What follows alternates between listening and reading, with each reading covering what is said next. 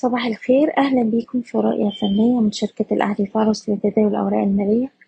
اتنين نوفمبر ألفين تلاتة وعشرين. في جلسة امبارح المؤشر استمر في التراجع ولكنه أغلق الجلسة على تراجع طفيف حوالي نص في المية عند مستوى اتنين وعشرين ألف ربعمية تلاتة وتلاتين نقطة. مازلنا محافظين في جلسة امبارح على مستوى الدعم اتنين وعشرين ألف تلتمية خمسة وستين نقطة. ومن هنا كان في محاولة خلال الجلسة للتجربة على مستوى اتنين وعشرين ألف وتسعمية في أكتر من محاولة على مدار الجلسة إلا إن المؤشر قفل بالقرب من سعر الفتح. ودي كانت إشارة لحالة من عدم وضوح الرؤية لدى المتعاملين في الوقت الحالي. لكن لو قدرنا نحافظ على مستوى الدعم اتنين وعشرين ألف وربعمية في الحالة دي هنقدر نجرب على مستوى المقاومة اتنين وعشرين ألف وتسعمية ومنها مستوى التلاتة وعشرين ألف وخمسمية نقطة واللي باختراقها هتبقى إشارة على انتهاء عمليات التصحيح.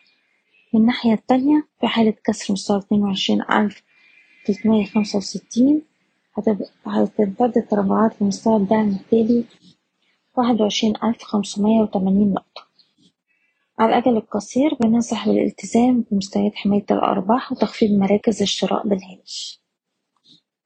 وبالنسبة للأسهم نبدأ بسهم السي اي بي اللي بيواجه مستوى المقاومة لاتنين وستين جنيه في حالة تأكيد إن اختراق المستوى ده لأعلى هيفتح له الطريق لمستويات التلاتة وستين والخمسة وستين جنيه ونقدر نحتفظ بالسهم طول ما إحنا محافظين على مستوى الدعم التسعة وخمسين ونص.